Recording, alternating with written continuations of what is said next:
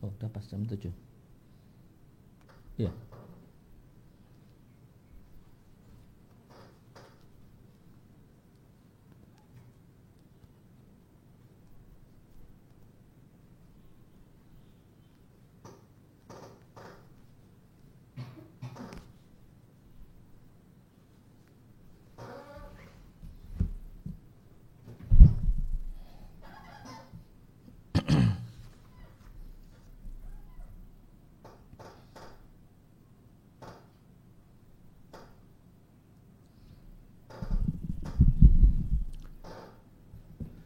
Alhamdulillah wassalatu wassalamu ala rasulillah wa ala alihi wa sahbihi wa man tabi'ahum bi ihsanin ila yaumidin amma ba'id kaum muslimin dan muslimah rahimani wa rahimakumullah kembali kita lanjutkan membaca dan mentelaah tafsir Ibnu Katsir rahimallahu taala pada bagian tentang pada bagian tafsir suratul Fatihah Ya, terakhir kita bahas tentang ya, hal-hal ya, yang dianjurkan untuk dimulai dengan ya, Bismillah di ya, berdasarkan dalil. Ada kemudian disyariatkan Bismillah ketika hendak menyembelih hewan. Demikian juga ketika hendak makan. Dan poin terakhir yang kemarin kita baca di di akhir halaman 181 wa kadzalika tustahabu indal jima'i. Demikian juga dianjurkan untuk membaca dan menyebut nama Allah Subhanahu wa taala ketika hendak jima atau hubungan suami istri. Sebagaimana dalam hadis yang diatkan Bukhari dan Muslim dari Ibnu Abbasin radhiallahu anhuma Rasulullah sallallahu alaihi wasallam menyampaikan Lau anna ahadahum idha arada ayati ya ahlahu. Jika salah satu dari mereka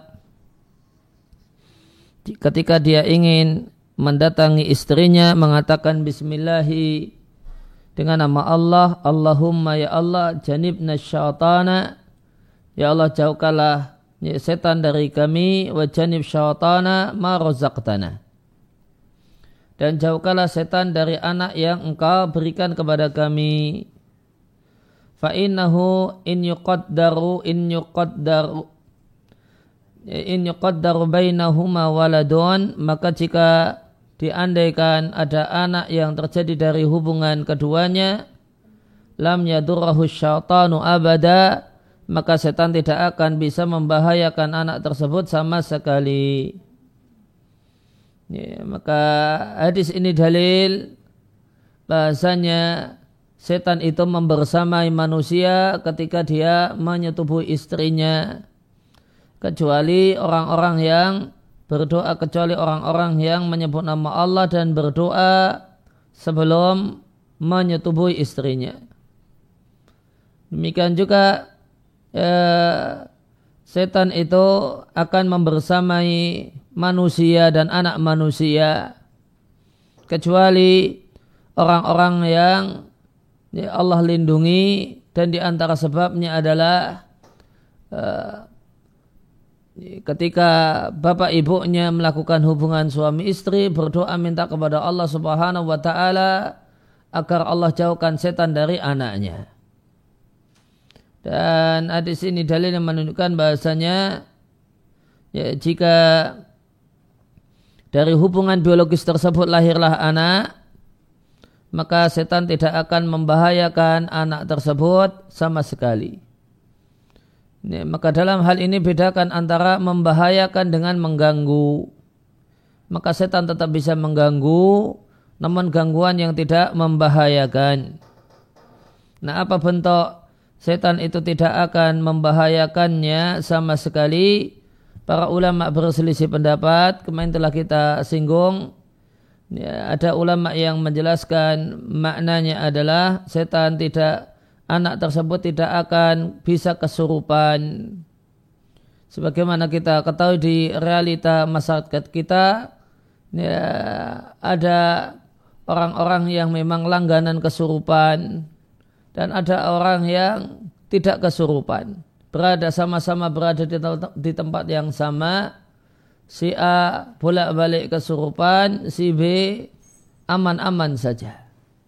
Sebagaimana juga kita jumpai di masyarakat kita ada orang yang mudah melihat penampakan dan ada orang yang lewat di tempat yang sama tidak pernah lihat. Ya maka mungkin hal ini eh, disebabkan karena orang tersebut ya bapak ibunya berdoa atau bapaknya berdoa ketika mengumpuli istrinya yang darinya lahirlah anak itu. Eh, penjelasan yang lain mengatakan bahasanya setan tidak akan bisa membahayakannya dalam pengertian setan hanya bisa menggodanya namun tidak bisa sampai memurtadkannya. Betapapun dahsyat dan hebatnya godaan setan pada orang tersebut, Allah akan jaga sehingga dia tidak ya, sampai terjumus dalam godaan setan yang paling jelek, yaitu melakukan kemusyrikan dan kekafiran yang membatalkan keislaman.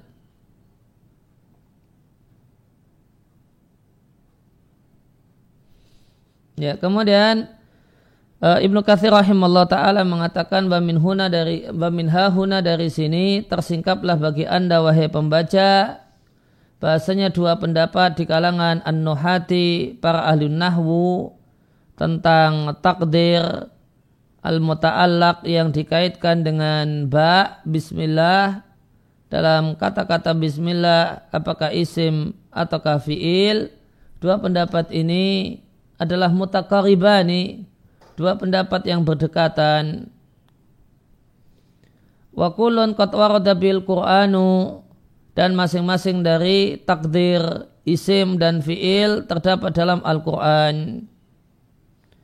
Amaman adapun ulama yang mentakdirkan dan yang mengkira-kirakan bismin dengan isim sehingga makna bismillah adalah bismillahi ibtidai maka dalilnya adalah firman Allah Ta'ala wa qala fiha dan Nabi Nuh alaihi salatu wasallam mengatakan kepada umatnya naiklah ke perahu bismillah dengan nama Allah majriha wa mursaha berjalannya perahu wa mursaha dan uh, bersandarnya perahu Ya, maka bismillah sambungnya dengan isim majriha dan mursaha inna rabbil ghafurur rahim.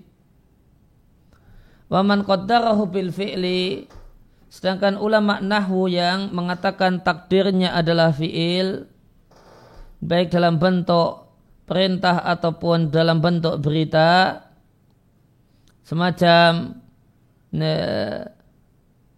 abda'u bismillahi atau ibda bismillahi atau ibtada'tu bismillahi. Maka dalilnya adalah firman Allah Ta'ala Iqra bismi rabbika alladhi khalaq. Bacalah dengan nama Rabbmu yang menciptakan. Dari dua pendapat ahli nahwu tentang ya, pasangan bismillahi Karena dalam bahasa Arab ya, yang namanya jir dan majrur tidak mungkin uh, itu harus uh, tidak mungkin uh, ya, lepas dia harus memiliki tambatan. Nah tambatannya ini kalau untuk kasus Bismillah diperselisihkan. Ya. Dan e, tambatannya itu haruslah fiil atau pecahan dari fiil. Nah untuk kasus Bismillah diperselisihkan apakah tambatan dari cer dan majrur itu adalah isim atau kafiil.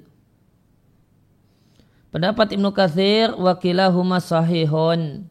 Dua-duanya benar dan tidak salah. Fa'inal fi'la labuddalahu min masdarin. Karena fi'il itu harus punya masdar. Falaka maka boleh bagi anda antuqadira al-fi'la wa masdarahu ya, mentakdirkannya dengan fiil kata kerja atau masdarnya. Kalau masdarnya berarti jadinya isim. Nah, fiilnya itu wadhalika bihasabil fi'li alladhi sumiyat kebelahu. Nah fiilnya itu apa? Tergantung fiil yang sumiyat kebelahu yang bismillah itu disebutkan sebelumnya.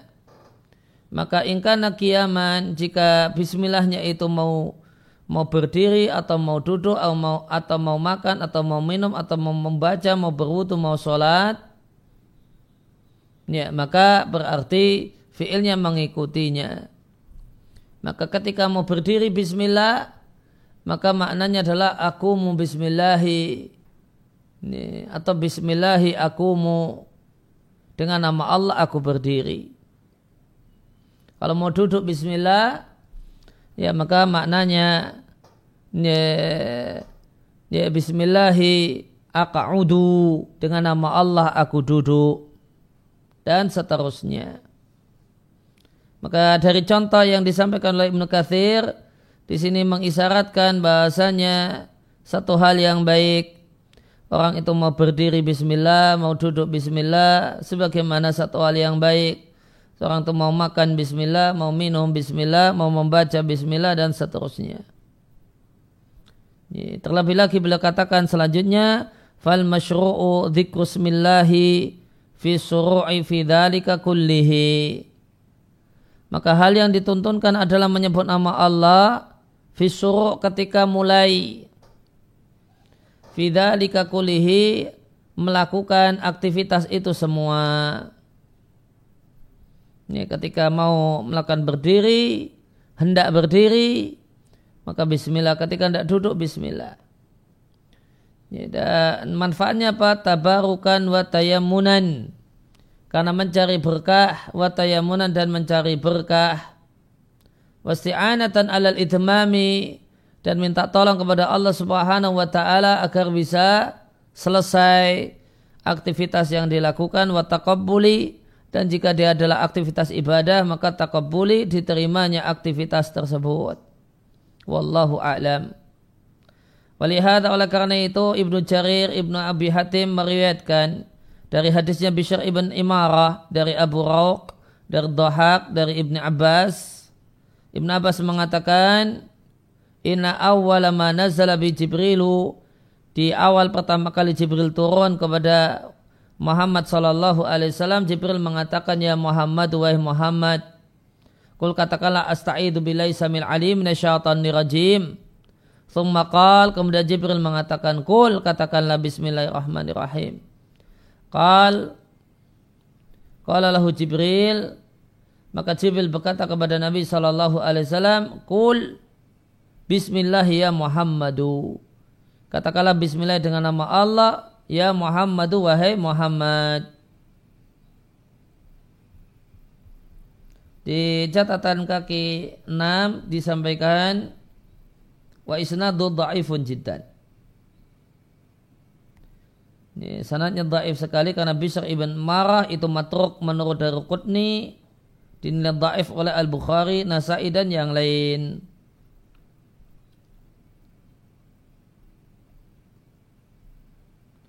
Yaqul maka Ibnu Abbas mengatakan Iqra bi dzikrillahi ya, Rabbika bacalah dengan menyebut Allah yang dia adalah Rabbmu. Wakum baka'ud berdiri dan duduklah dengan menyebut nama Allah Ta'ala. Ya, demikian redaksi Ibnu Jarir.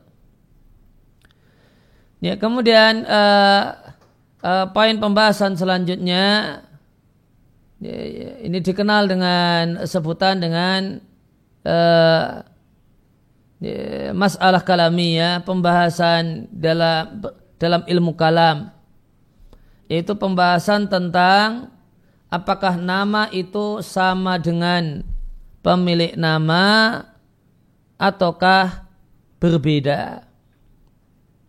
Ya, maka ketika ada seorang yang bernama ya, Ali. Maka apakah nama Ali itu sama dengan orangnya? Ataukah nama Ali itu sesuatu yang berbeda dengan orangnya? Ya, ini Ya, di antara mungkin sebagian penuntut ilmu suka mendengar istilah ini apa uh, ilmu kalam. Ya, maka apa contoh pembahasan ilmu kalam? Contohnya ini. Nama itu sama dengan pemilik nama ataukah berbeda dengan pemilik nama? Ama mas'alatul ismi adapun ya, permasalahan tentang nama karena bismillahi dengan nama Allah. Dengan nama Allah itu sama dengan dengan Allah ataukah dengan nama Allah dalam hal ini nama itu sesuatu di sesuatu yang bukan Allah. Adapun masalah nama apakah nama itu al-musamma sama dengan pemilik nama au ghairuhu ataukah berbeda dengan pemilik nama maka manusia punya tiga pendapat dalam masalah ini pendapat yang pertama mengatakan anal isma hal huwal musamma nama itu sama dengan pemilik nama ini pendapat Abu Ubaidah Sibawai dipilih oleh Al-Baqilani dan Ibn Mufarraq ya. Fahrudin Ar-Razi mengatakan dan beliau uh, Nim Farok adalah Muhammad bin Umar yang terkenal dengan Ibn, Ibn Khatib. Hmm. Fi Wakala Ar-Razi maka Fahrudin Ar-Razi mengatakan dan Ar-Razi nama aslinya adalah Muhammad bin Umar Al-Ma'rubi Ibn Khatib Al-Khay di fi muqaddimati tafsir di muqaddimah tafsirnya mengatakan Hasyawiyah dan Karamiyah demikian juga Ash'ariyah mengatakan al-ismu nafsul musamma bahasanya nama itu sama dengan pemilik nama wa ghairu tasmiyati namun itu berbeda dengan memberi nama pendapat yang ketiga adalah pendapat Mu'tazilah yang mengatakan bahasanya nama itu berbeda dengan pemilik nama dan nama itu sama dengan memberi nama. Ini ada tiga pendapat. Yang pertama mengatakan ini, nama itu adalah ini, anal isma hal huwa al musamma ini mungkin uh, maknanya adalah bukan musamma. Maka nama itu berbeda dengan pemilik nama kemudian pendapat karamiyah asyariyah nama itu sama dengan pemilik nama dan berbeda dengan memberi nama kemudian mu'tazilah nama itu sama berbeda dengan pemilik nama namun sama dengan memberi nama. Apa pendapat Ibnu Katsir dalam masalah ini? Wal mukhtar indana pendapat yang terpilih menurut kami nama itu bukanlah pemilik nama dan berbeda dengan memberi nama. Thumanakul kemudian itu kesimpulan globalnya kemudian kami katakan maka jika yang dimaksud dengan nama adalah teks nama, yang teks nama tersebut tentu ada aswatun mutaqatta'atun wa hurufun mu'allafatun suara yang memiliki bagian-bagian dan huruf yang tersusun dari sejumlah huruf maka ada pengetahuan aksiomatis yang terwujud bahwasanya nama itu berbeda dengan pemilik nama. Nama ini ini Ali dan ini A, Lam, Ain, Lam dan Ya. Ain, Lam dan Ya, ya berbeda dengan ya, sosok Ali. Itu jika yang dimaksud nama adalah teks nama. Maka jika yang dimaksud dengan nama itu adalah teks nama, maka teks nama itu berbeda dengan sosok pemilik nama. Dan ini perbedaan ini bahasanya teks nama itu berbeda dengan sosok pemilik nama kata Ibnu Katsir adalah al-ilmu ad-daruri. Pengetahuan yang aksiomatis. Kemudian yang kedua. Wa al-muradu bismi datal musamma. Namun jika yang dimaksud dengan nama itu adalah orangnya. Semisal ada kalimat Ali sedang makan. Nih, kalau kalimat Ali sedang makan, nih, maka yang dimaksud dengan Ali adalah orangnya. Nih, bukan teks namanya Ali sedang makan. Karena teks teks Ali itu tidak bisa makan. Ali sedang makan itu orangnya.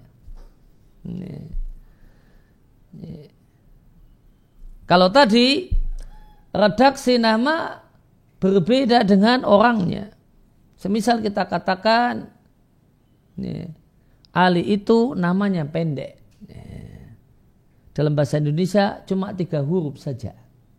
Maka yang dibahas adalah maka yang dimaksud dengan Ali di sini adalah teks nama maka teks nama berbeda dengan orangnya. Tapi ketika uh, kita ya, menyebut nama seseorang dan yang dimaksudkan memang diinginkan adalah orangnya, maka dia sama dengan orangnya. Ali sedang makan, Ali sedang tidur. Kalimat Ali sedang tidur itu bukan berarti nama teks uh, ya yang tertulis Ali itu sedang tidur karena teks Ali itu tidak bisa tidur, tidak bisa makan. Tapi yang dimaksud dengan Ali sedang tidur adalah orangnya. Maka kata Ibnu Katsir, wa in al muradu bismi datal musamma. Namun jika yang dimaksud dengan nama itu adalah orang pemilik nama, fahada yakunu min babi idahil wadihat maka membahas hal ini itu adalah pembahasan yang sia-sia. Kenapa sia-sia? Menjelaskan sesuatu yang jelas. Ini. Ali sedang makan itu yang dimaksud Ali adalah orangnya bukan namanya. Itu tidak perlu dijelaskan. Semua orang ngerti. Ini. Adakah uh, adakah orang yang uh, adakah orang yang bingung membedakan? Nah, ketika kalimat Ali sedang makan, Ali sedang tidur, Ali sedang Ali sedang main bola, adakah orang yang bingung? Ini Ali ini yang dimaksudkan orangnya ataukah uh, apa teks nama Ali sedang makan, sedang tidur, sedang main bola?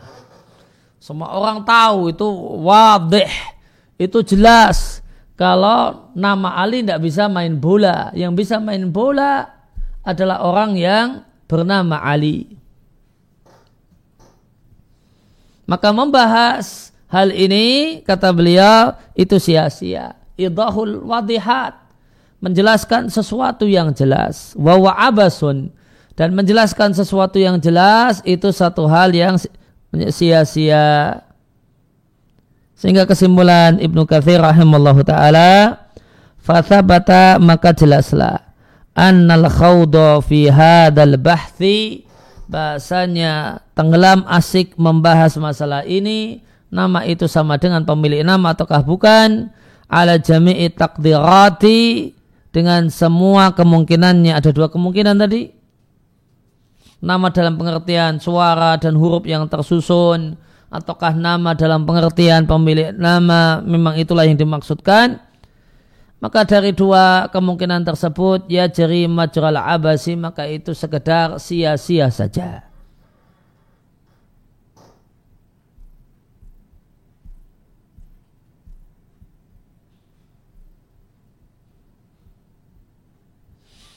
Ya, meskipun Ibnu Katsir juga uh, membuat kesimpulan sebagaimana tadi paragraf di awal paragraf yang kita baca Al-Mukhtar indana ana isma ghairul musamma.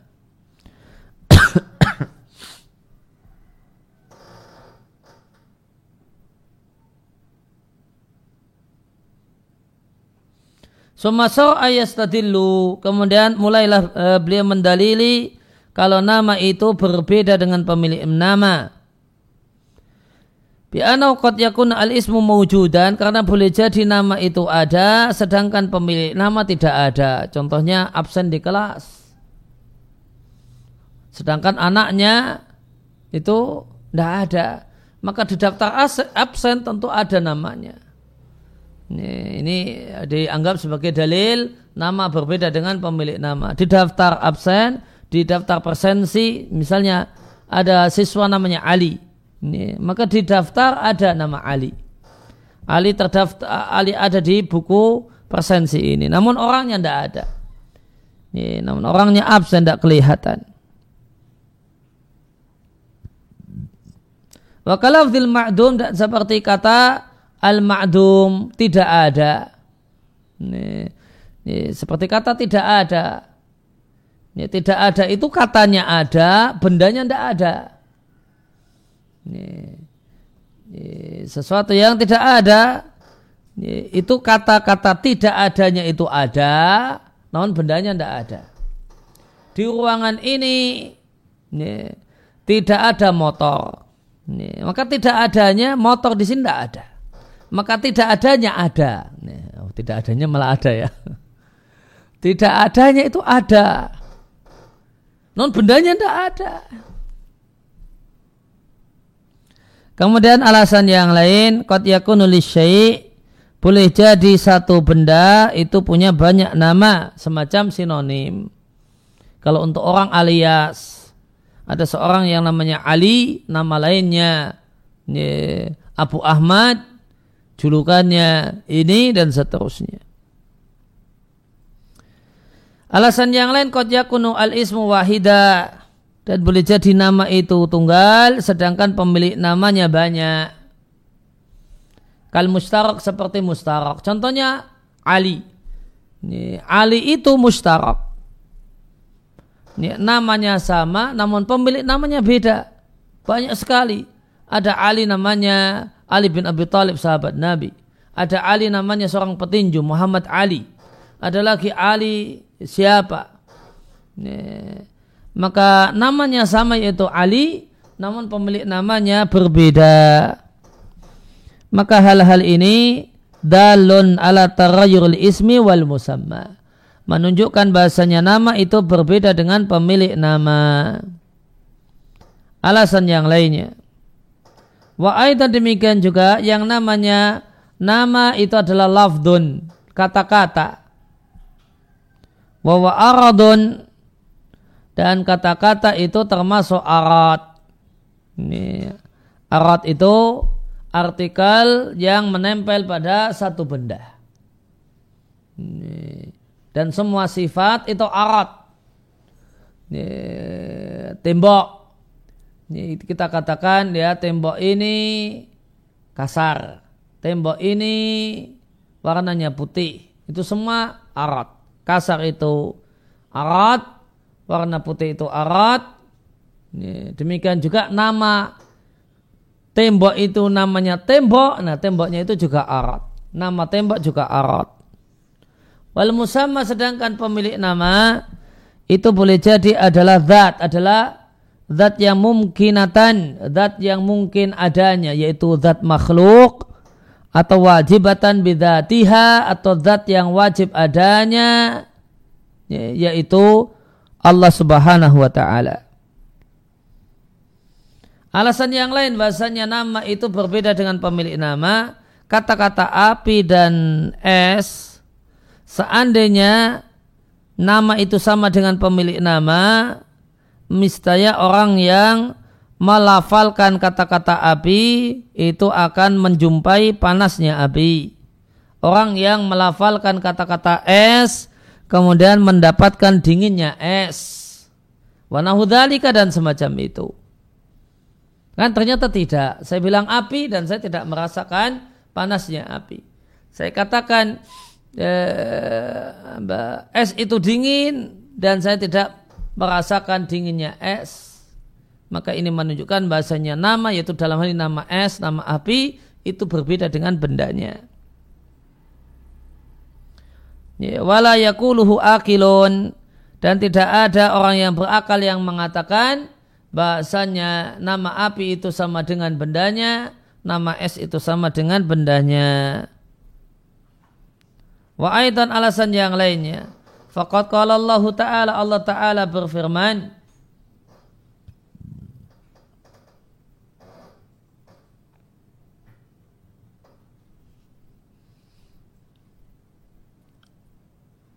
Walillahil asma'ul husna fada'uhu biha.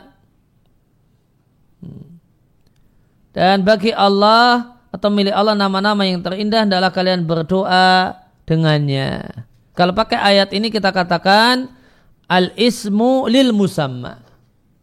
Kalau berdasarkan ayat ini Al-A'raf 180 ya, maka kita katakan al-ismu lil musamma. Nama itu adalah miliknya pemilik nama. Karena Allah katakan walillahil asma'u. Dan Nabi SAW mengatakan Allah memiliki 99 nama. Maka 99 nama itu berarti nama yang banyak, sedangkan pemilik namanya tunggal yaitu Allahu Ta'ala. Alasan yang lainnya firman Allah, Walillahil asma'ul husna bagi Allah nama-nama yang terindah, maka Allah menisbatkan nama itu kepada dirinya. Ya. Sebagaimana firman Allah Ta'ala, Fasabbih bismi rabbikal azim. Ya, maka sucikalah nama Rabbmu yang maha agung dan semacam itu. Kemudian di sini disampaikan kaidah patut untuk digarisbawahi al-idofatu taqtadi al-mughayarata idofah itu bermakna dua hal yang berbeda. Maka misalnya kita katakan miftahus sayyarati kunci mobil. Itu idofah taktadi al mughayyar menunjukkan sesuatu hal yang berbeda maka kunci itu tidak sama dengan mobil. Mobil itu tidak sama dengan kunci. Ada kunci dan ada mobil. Ini kunci mobil. Kunci rumah. Nah, itu kunci itu tidak sama dengan rumah dan rumah tidak sama dengan kunci. Non kunci itu sesuatu yang berbeda dengan rumah. Nah, di sini ismi rabbika nama Rabbmu maka ini menunjukkan nama Allah. Berarti nama itu berbeda dengan Allah dan Allah berbeda dengan namanya. Demikian juga firman Allah Ta'ala, Fada'uhu biha, berdoalah kalian kepada Allah biha dengan menyebut nama-nama Allah. Artinya berdoalah kepada Allah dengan menyebut nama-namanya. Maka itu semua dalil ala annaha ghairuhu bahwasanya nama-nama Allah itu berbeda dengan Allah itu sendiri. Orang yang mengatakan nama itu sama dengan al-musamma pemilik nama beralasan dengan firman Allah Ta'ala di surat Ar-Rahman. Tabarakasmu rabbika dil jalali wal ikram. Ini penuh berkah nama Rabbmu, zat yang memiliki keagungan dan kemuliaan. Wal mutabarak dan Zat yang penuh berkah adalah Allah Ta'ala itu sendiri. Maka apakah ini menunjukkan bahasanya nama itu sama nama Allah itu sama dengan Allah? Jawabannya tidak. Cuma annal isma annal isma ya'dhumu li ta'dhimi dzatil muqaddasati. Bahasanya nama itu menjadi mulia dalam rangka memuliakan pemilik nama zat yang suci dan mulia. Nih. Ketika pemilik nama itu orang yang mulia, ya, maka dampaknya namanya jadi mulia. Ya, nama seorang presiden misalnya. Maka karena dia pemilik nama itu presiden, maka namanya jadi mulia. Namanya juga harus dihormati. Tidak boleh orang nulis nama beliau, ya, kemudian habis itu disilang misalnya atau ditulis di kertas habis itu diinjak-injak misalnya. Karena melecehkan nama dalam hal ini berkonsekuensi melecehkan orangnya. Meskipun sebenarnya nama itu berbeda dengan orangnya. Non ketika orangnya itu makin mulia, maka namanya juga makin mulia berbanding lurus dengan pemilik nama. Ya, maka uh, ya, demikian makna ayat. Wa aidan demikian juga alasan yang lainnya. Faida qala rajulu maka jika seorang suami mengatakan Zainabu taliqun istriku yang namanya Zainab itu aku cerai maka yakni artinya yakni imra'atahu tuliqat. Artinya istrinya tercerai.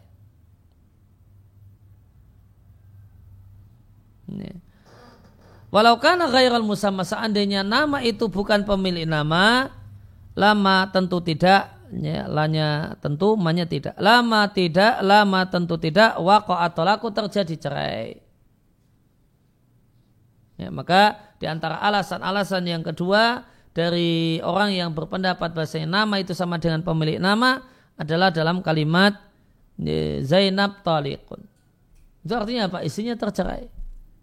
Nah, berarti kan nama itu sama dengan pemilik nama.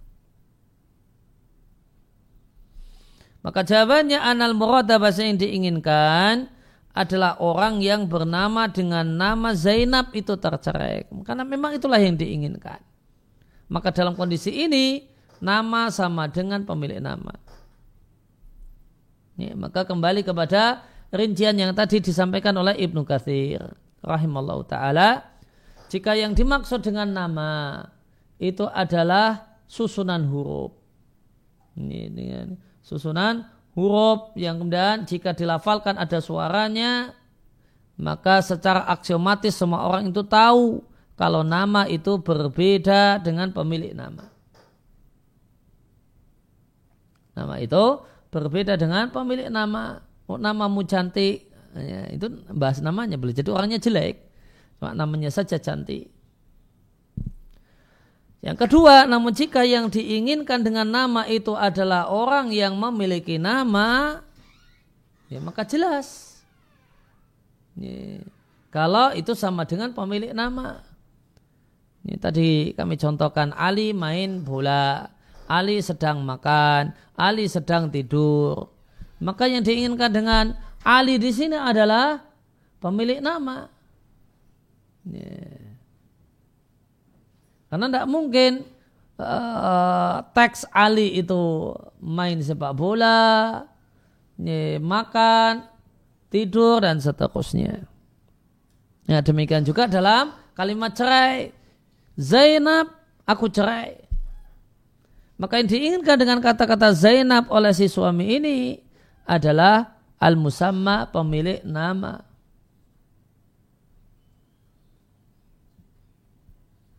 Kemudian Arazi mengatakan, wa amat tasmiyatu adapun pemberian nama, aktivitas memberi nama, fa innaha maka yang dinamakan tasmiyah adalah ja'lul ismi menjadikan satu nama muayyanan itu tertentu melekat zat pada sosok tertentu.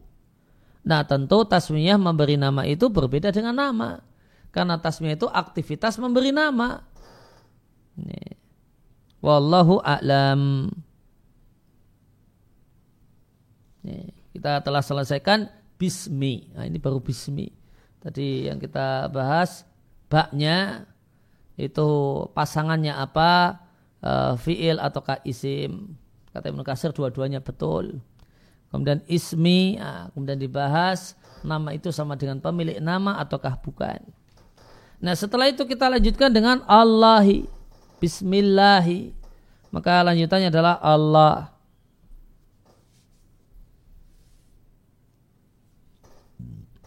maka Allah adalah alamun ala Rabbi tabaraka wa ta'ala ini adalah ya, nama untuk Allah tabaraka wa taala. Yuqal ada ulama yang mengatakan bahasanya Allah itulah al-ismu al-a'zam, nama Allah yang paling agung. Maka ada pembahasan tentang al-ismu al-a'zam, nama Allah yang paling agung. Di hadis disebutkan Allah itu memiliki nama yang paling agung yang jika Allah itu dimintai dengan disebutkan hal tersebut maka pasti Allah akan kabulkan. Nah, dari sekian banyak nama Allah yang di hadis saja disebutkan Allah memiliki 99 nama. Ya, manakah dari sekian banyak nama ini yang statusnya al-ismu al-a'zam yang jika disebutkan oleh seorang hamba dalam doanya maka pasti Allah akan kabulkan doanya. Ulama berselisih pendapat. Ya, ada yang berpendapat bahasanya al-ismu al-a'zam itu adalah al-hayu al-qayyum. Kenapa? karena al-hayu itu memuat semua uh, sifat zatiyah. Sedangkan al-qayyum itu memuat semua sifat fi'liyah. Nah pendapat yang lainnya mengatakan bahasanya al-ismu al-a'zam adalah Allah itu sendiri. Apa alasannya? Li'annau yusafu bijami'i sifati. Karena semua sifat itu semua sifat dan nama Allah itu adalah naat, adalah wasfun, ainatun naat untuk Allah. Contohnya di surat Al-Hasyr. Ya, wallahu la ilaha illahu. Dialah Allah zat yang tiada sembah yang berat disembah. Melainkan dia alimul ghaibi wa syahadah. Allah mengetahui hal yang gaib dan hal yang nampak. Huwa dia Allah itu adalah Ar-Rahman Ar-Rahim. Maha penyayang dan pengasih wa wallahu la ilaha illahu maka dialah Allah adalah zat yang tiada sembah yang berat disembah melainkan dia. Al malikul kudus dia adalah sang raja. Dia adalah al kudus zat yang suci. Assalam yang selamat dari segala sifat yang buruk. Al mu'minul muhaiminul azizul jabbarul mutakabbir. Subhanallah amma yusyrikun, maha suci Allah dari kemusyrikan yang mereka lakukan. Wallahu dan dialah Allah al-khaliqu sang pencipta, al-bari'u sang pencipta, al-musawwiru yang memberi rupa. Lahul asma'ul husna, miliknya nama-nama yang terindah.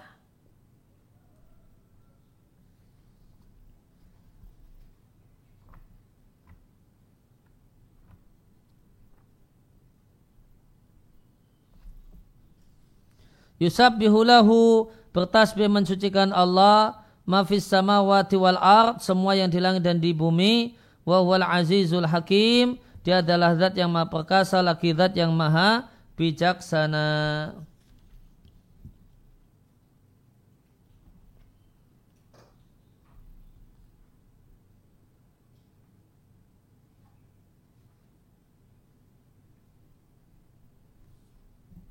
Ini tentang sejumlah nama tadi saya ingin bacakan penjelasan singkatnya dari Al-Mukhtasar fi Tafsir.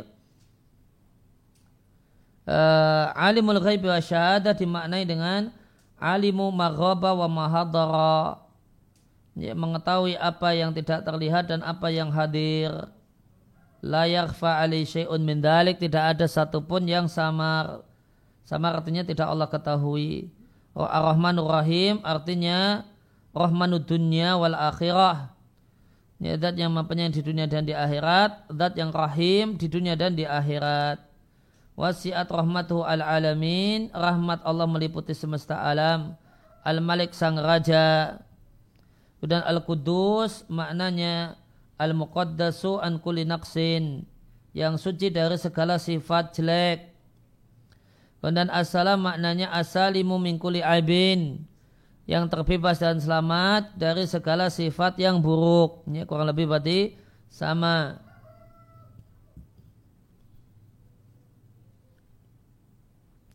Kemudian al-mu'minu dimaknai dengan al-musaddiqu rusulahu yang membenarkan para rasulnya bil ayatil bahirah dengan memberikan mukjizat yang mencengangkan. Ya, maka al-mu'min dimaknai dengan al-musaddiq. Al-muhaimin ar-raqibu ala a'malil ibadihi. Al-muhaimin dimaknai dengan dat yang mengawasi tingkah pola hamba-hambanya. Al-aziz alladhi la yaglibu ahadun. Al-aziz dat yang perkasa artinya tidak ada satupun yang bisa mengalahkannya. Al-jabbar maknanya alladhi qahara bi jabratihi kula syai' Zat yang menundukkan dengan kekuasaannya segala sesuatu. Eh, segala sesuatu Allah tundukkan dengan kekuasaannya. Al-mutakabbir artinya eh, al-mutakabbir lihat yang sombong. Subhanallah amma yusyrikun. Allah suci dan suci dari kemusikan yang dilakukan oleh orang-orang musyrik yang menyekutukan Allah dengan berhala dan yang lain. Kemudian dialah Allah zat yang al-khaliq san pencipta yang menciptakan segala sesuatu. Al-bari' dimaknai al-mujidu lil asya yang mewujudkan segala sesuatu. Al-musawir artinya uh, al-musawiru li makhlukatihi yang memberikan rupa untuk makhluknya sesuai dengan apa yang dia inginkan. Ya lahu subhanahu al-asmaul husna. Allah memiliki nama-nama yang terindah yang memuat sifat-sifat yang luhur. Yunazihu mensucikan Allah semua yang di langit dan yang di bumi. Mensucikan Allah dari segala kekurangan. Al-Aziz Al-Hakim. Al-Aziz artinya la yaglibu ahadun.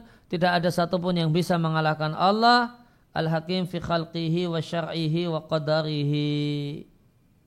Dan Allah adalah zat yang maha bijaksana. Bijaksana dalam penciptaan. Bijaksana dalam penetapan hukum dan syariat dan bijaksana dalam takdir yang Allah tetapkan. Maka kita lihat di sini kembali ke tafsir Ibnu Katsir fa'ajra al-asma al-baqiyata maka Allah ya, posisikan nama-nama yang tersisa nama-nama yang lain yaitu selain Allah semuanya adalah sifat lahu menjadi sifat dan naat lahu bagi Allah. Sebagaimana juga firman Allah Ta'ala Walillahil asma'ul husna fada'uhu biha. Allah memiliki nama-nama terindah, berdoalah kalian dengannya. Demikian juga firman Allah Ta'ala, Kulidullaha awida'ur rahman. Panggillah dia Allah atau panggillah dia ar-Rahman. Panggilan apa pun yang kalian berikan, maka milik Allah nama-nama yang terindah. Dalam saya Bukhari dan saya Muslim dari Abu Hurairah, Rasulullah Sallallahu Alaihi Wasallam mengatakan Allah memiliki 99 nama, 100 kurang satu siapa yang ihsa, siapa yang menghafal dan faham maknanya, maka niscaya dia masuk surga. Kalau riwayat Bukhari dan Muslim cuma di sini uh, titik di sini. Tidak didetailkan nama-nama 99 itu apa. Wajah duha dan penyebutan satu persatunya terdapat dalam riwayat Tirmidzi, Ibnu Majah dan di antara dua riwayat ini versi Tirmidzi dan Ibnu Majah juga terdapat ikhtilafun perbedaan ziyadah wa nuksan, tambahan dan kurang. Ada di riwayat Tirmidzi satu hal yang tidak ada di riwayat Ibnu Majah, ada di riwayat Ibnu Majah yang tidak terdapat dalam riwayat At-Tirmidzi. Fahruddin Ar-Razi di tafsirnya menyebutkan dari sebagian orang ada sebagian orang yang bilang Allah itu punya 5000 nama. Seribu nama ada di Quran dan sunnah yang sahih seribu nama di Taurat, seribu nama di Injil, seribu nama di Zabur, dan seribu nama lagi di Lauhil Mahfud. Kemudian nama nama Allah itu adalah ismun adalah nama la yusama bi ghairuhu tidak bernama dengannya selain Allah tabaraka wa taala. Walihada la yu'rafu fi kalamil arabi oleh karena itu tidaklah diketahui dalam bahasanya orang Arab lau istiqaqun akar kata untuk Allah. Min fi'la min fa'ala yaf'ulu. Sehingga dhahaba man dhahaba minan nuhati maka sebagian ulama nahu berpendapat bahasanya Allah itu adalah isim jamid tidak memiliki akar nama.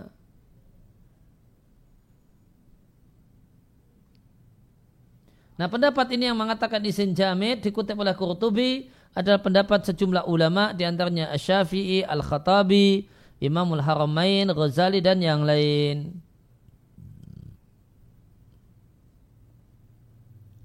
Dan diriatkan dari Al-Khalil Ibn Ahmad Al-Farahidi dan Sibawai bahasanya alif lam pada kata-kata Allah itu adalah alif lam yang lazimah alif lam yang memang melekat.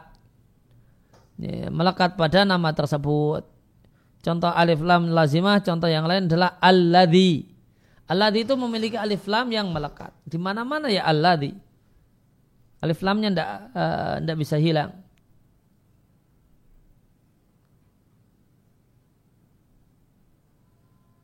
Al-Khattabi mengatakan tidakkah engkau lihat bahasanya engkau mengatakan ya Allah dan tidak mengatakan ya Ar-Rahman. Ini kalau Rahman ya ayuhar Rahman. Falaula maka seandainya bukan karena annahu min asal kalimati Allah itu adalah ya memang asal kalimat tentu lama jaza tentu tidak boleh lat, uh, tentu ma tidak boleh jaza boleh memasukkan huruf nida yaitu ya, ya langsung kepada satu kata yang mengandung alif lam. Nah ini pembahasan yang cukup panjang akan disampaikan oleh uh, Ibnu Katsir rahimallahu taala ya, tentang pembahasan tentang apakah Allah itu isim jamid ataukah isim mustaq. Apakah dia nama yang punya akar kata ataukah nama yang tidak punya akar kata? Apa konsekuensinya? Kalau nama itu punya akar kata, berarti nama itu punya arti. Tapi kalau nama itu tidak punya akar kata, maka nama itu tidak punya arti. Di bahasa Indonesia, di bahasa Jawa juga sama. Kita jumpai ada nama-nama yang punya arti dan nama-nama yang tidak punya arti. Nah, Allah itu nama yang ada artinya alias dia mustaq punya akar kata ataukah nama yang tidak punya arti. Dan ini satu hal yang diperselisihkan oleh para ulama. Tadi kita jumpai katanya uh, disampaikan oleh Alimah Musyafi'i dan yang lain mengatakan bahasanya nama Allah itu jamid.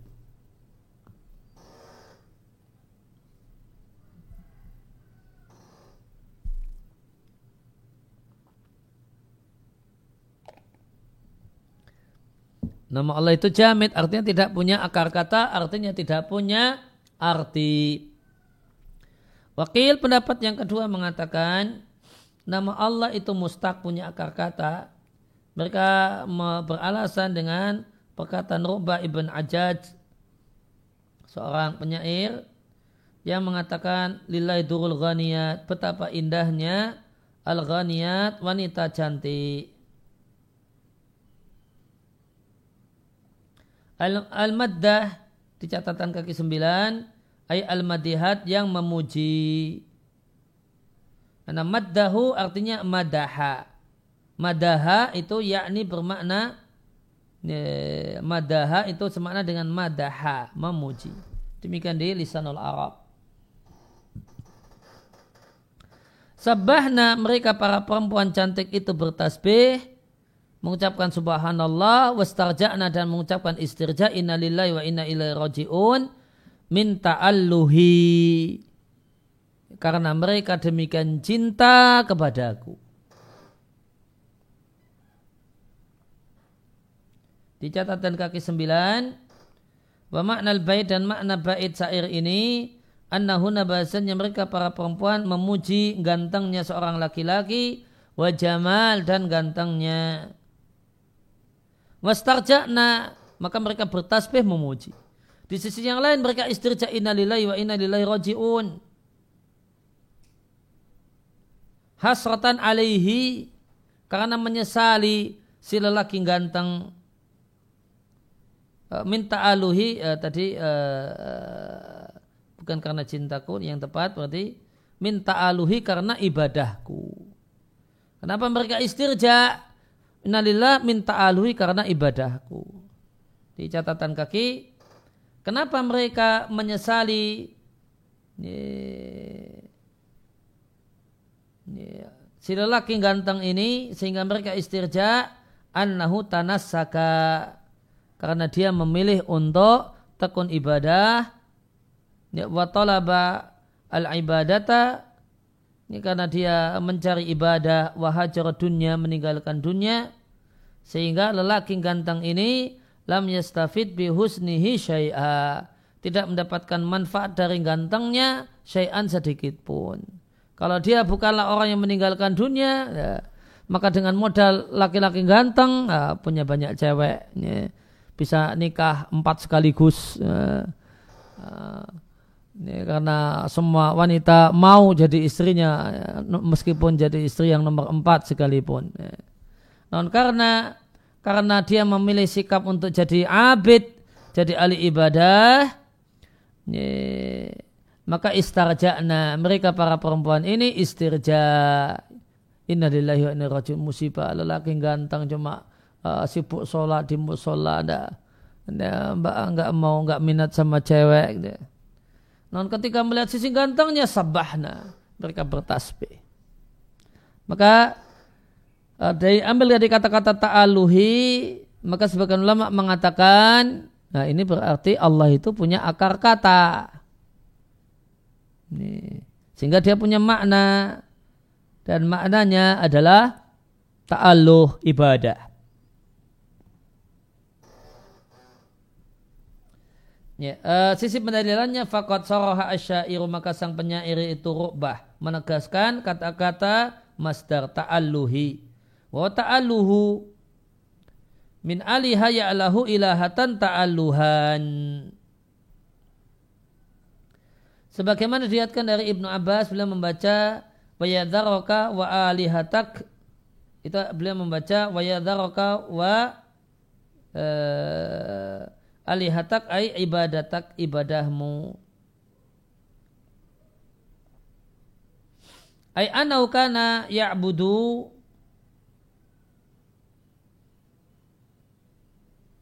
Artinya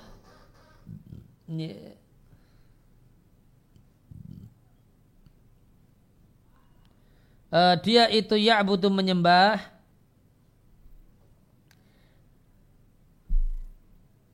Wala yu'badu dan tidak disembah. Demikian tafsiran Mujahid dan yang lainnya. Dan sebagiannya berdalil kalau nama Allah itu mustaq, punya akar kata, berdalil dengan firman Allah Ta'ala, wa wallahu fis samawati wa fil ardi. Dia, dia adalah Allah di langit dan di bumi. Maka dia Allah di langit dan di bumi. Maka Allah di sini maknanya makhluk. Bukan dia kemudian uh, Allah ada di langit dan ada di bumi, bukan. Maka ini menunjukkan mau tidak mau Allah di sini harus dimaknai dengan makhluk zat yang disembah.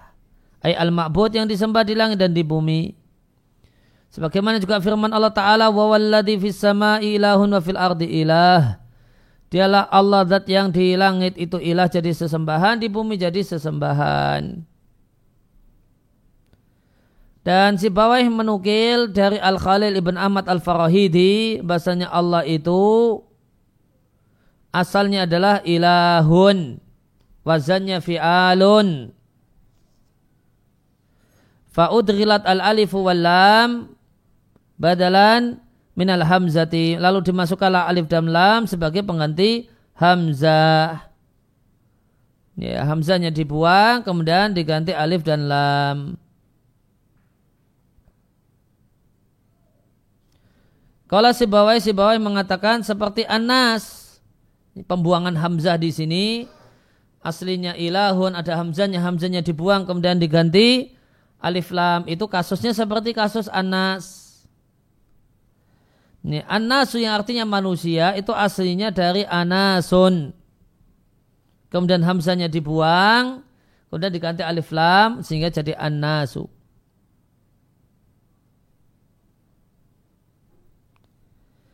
Wakil dan ada yang mengatakan, eh, jadi nanti ketika ulama yang mengatakan eh, nama Allah itu mustaq, ada akar katanya, mereka berselisih pendapat tentang makna akar katanya atau kemudian akar katanya apa. Tadi kita jumpai aliha ya'lahu ilahatan wa ta'alluhan. Kemudian penjelasan yang kedua ini si bawai. Ilahun hamzanya dibuang. Kemudian pendapat yang ketiga wakil dan pendapat yang ketiga mengatakan asal kalimat asal dari kata-kata Allah itu diambil dari kata-kata laha.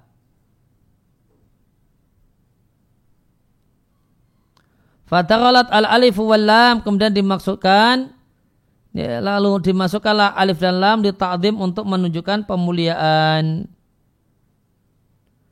Wahada dan ini ya, pendapat ini ikhtiar adalah pendapat yang dipilih oleh si Bawai.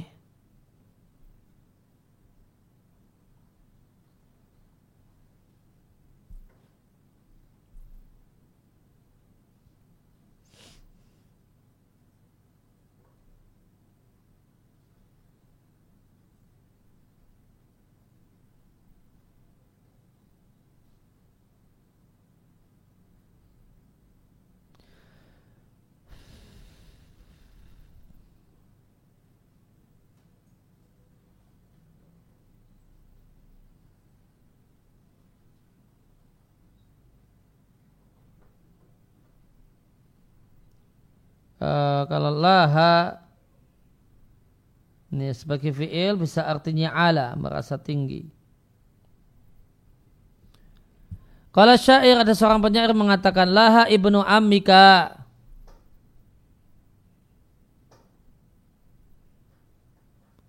Ini anak pamanmu itu laha tinggi atau merasa tinggi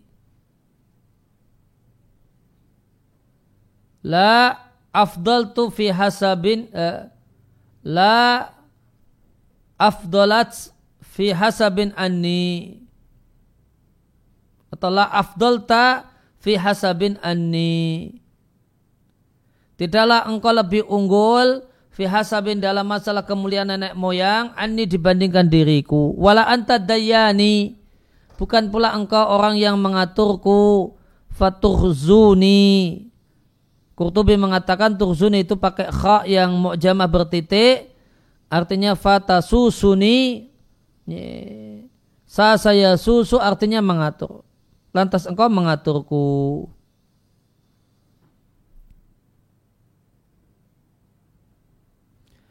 Ya, kemudian uh, tadi ada yang mengatakan alihai alahu itu ini dikatakan oleh Ibnu Katsir. Kemudian yang kedua ilahun. Ya. Kemudian uh, tadi ada yang uh, ilahun hamzanya dibuang dan pendapat yang ketiga dari kata-kata laha. Yeah. Kemudian yang keempat Kolal kasa wal fira wal fara dua uh, ulama bahasa Arab mengatakan Allah itu aslinya al ilahu dan hamzanya dibuang Kemudian diidghamkanlah lam yang pertama pada lam yang kedua. Sebagaimana firman Allah Ta'ala, lakinna wallahu rabbi. Lakinna. Itulah aslinya lakin ana. Ini, lakin ana. Waqat qura'aha kadalika al-Hasan sebagaimana bacaan yang dibaca oleh Al-Hasan Al-Basri. Lakin ana.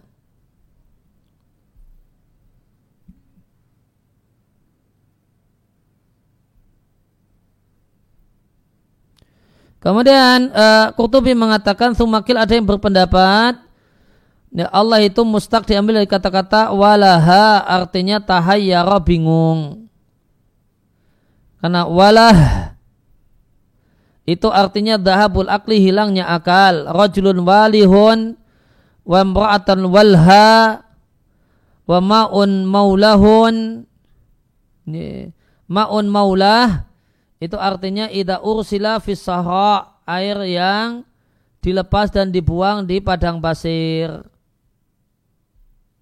Sehingga kenapa Allah itu disebut Allah kalau akar katanya walaha yang artinya bingung, maka Allah Ta'ala itu menyebabkan bingungnya al-albab orang uh, pikiran, wal fikir dan pikiran tentang hakikat sifat-sifat Allah.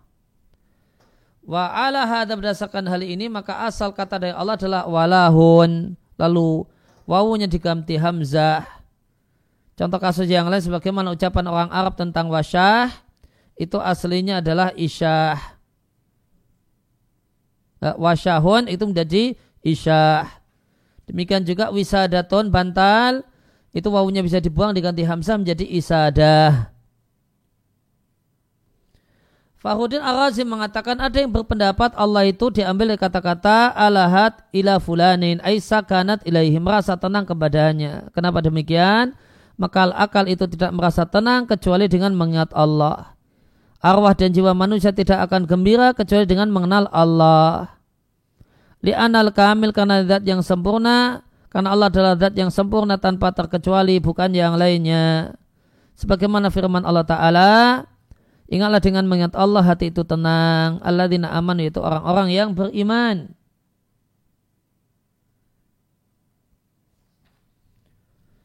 Uh, wakal dan ada yang mengat uh, kata Arazi wakil ada yang berpendapat bahasanya Allah diambil kata-kata laha yaluhu artinya ihtajaba menutup diri dan ada yang berpendapat akar kata Allah itu dari kata-kata aliha al-fasilu Artinya aula'a sangat suka bi ummihi dengan induknya.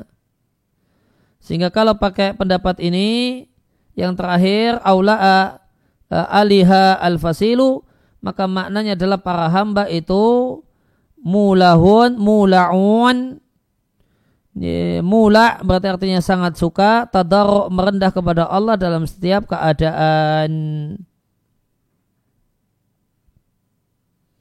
Kal wakilah dan ada yang berpendapat ya Allah itu mustaq diambil kata-kata alihah arajulullah ya'lahu dengan makna faza'a min amrin nazalabihi ketakutan karena perkara yang terjadi pada dirinya. Fa'alahahu artinya ajarahu melindunginya. Ini, karena Allah adalah al-mujridat yang melindungi semua makhluknya dari segala bahaya. Karena zat yang melindungi seluruh makhluk dari segala bahaya adalah Allah subhanahu wa ta'ala. Berdasarkan firman Allah ta'ala, wa wal yujir wa la yujaru alaih. Dia melindungi dan tidak perlu dilindungi. Dan dia adalah pemberi nikmat sebagaimana firman Allah taala wa mabikum min nikmatin faminallah semua nikmat yang ada pada kalian adalah berasal dari Allah. Bahwa dan dia Allah adalah al-muta'im sebagaimana firman Allah taala bahwa yuta'im wa la yuta'am Allah memberikan makan dan tidak diberi makan dan Allah itu al-mujid yang mewujudkan. Berdasarkan firman Allah taala kul kulum min indillah. Semuanya ada di sisi Allah ya demikian yang kita baca Ya, namun penjelasan tentang akar kata dari Allah itu masih akan berlanjut di halaman-halaman setelahnya. Ya, wasallallahu ala nabiyina Muhammadin wa ala alihi washabihi wasallam wa ruda'ana alhamdulillahi rabbil alamin.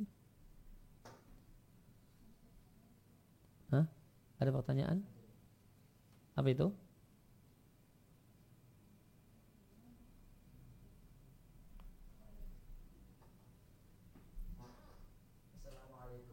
Waalaikumsalam. Dua tema, apakah disunahkan membaca semua lafaz zikir pagi petang pada satu waktu atau bergantian seperti halnya doa istiftah?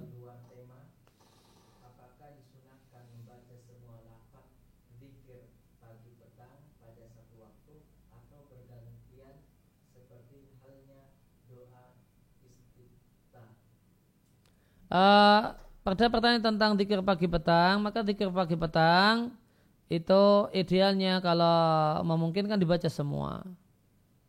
Ya, namun jika karena waktu yang sempit ada aktivitas yang lebih penting, maka orang sudah dikatakan melakukan dikir pagi dan petang minimal membaca satu dikir paginya atau petang. Nah.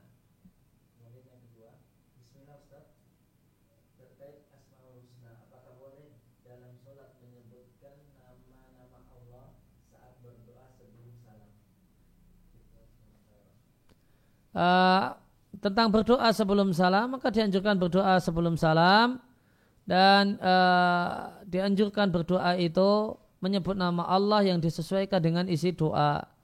Misalnya ya Rozak ya Wahab, berilah aku rezeki ursukni, maka itu satu hal yang boleh bahkan dituntunkan.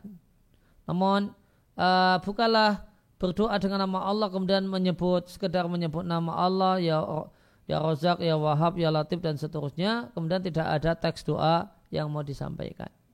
Itu bukan uh, cara berdoa yang tepat. Demikian wasallallahu ala nabiyina Muhammadin wa ala alihi wasallam. Ya subhanaka Allahumma wa bihamdika asyhadu an la ilaha illa anta astaghfiruka wa atubu ilaik. Santri tadi yang tanya. Bukan. Kok telat Rizal? Hah?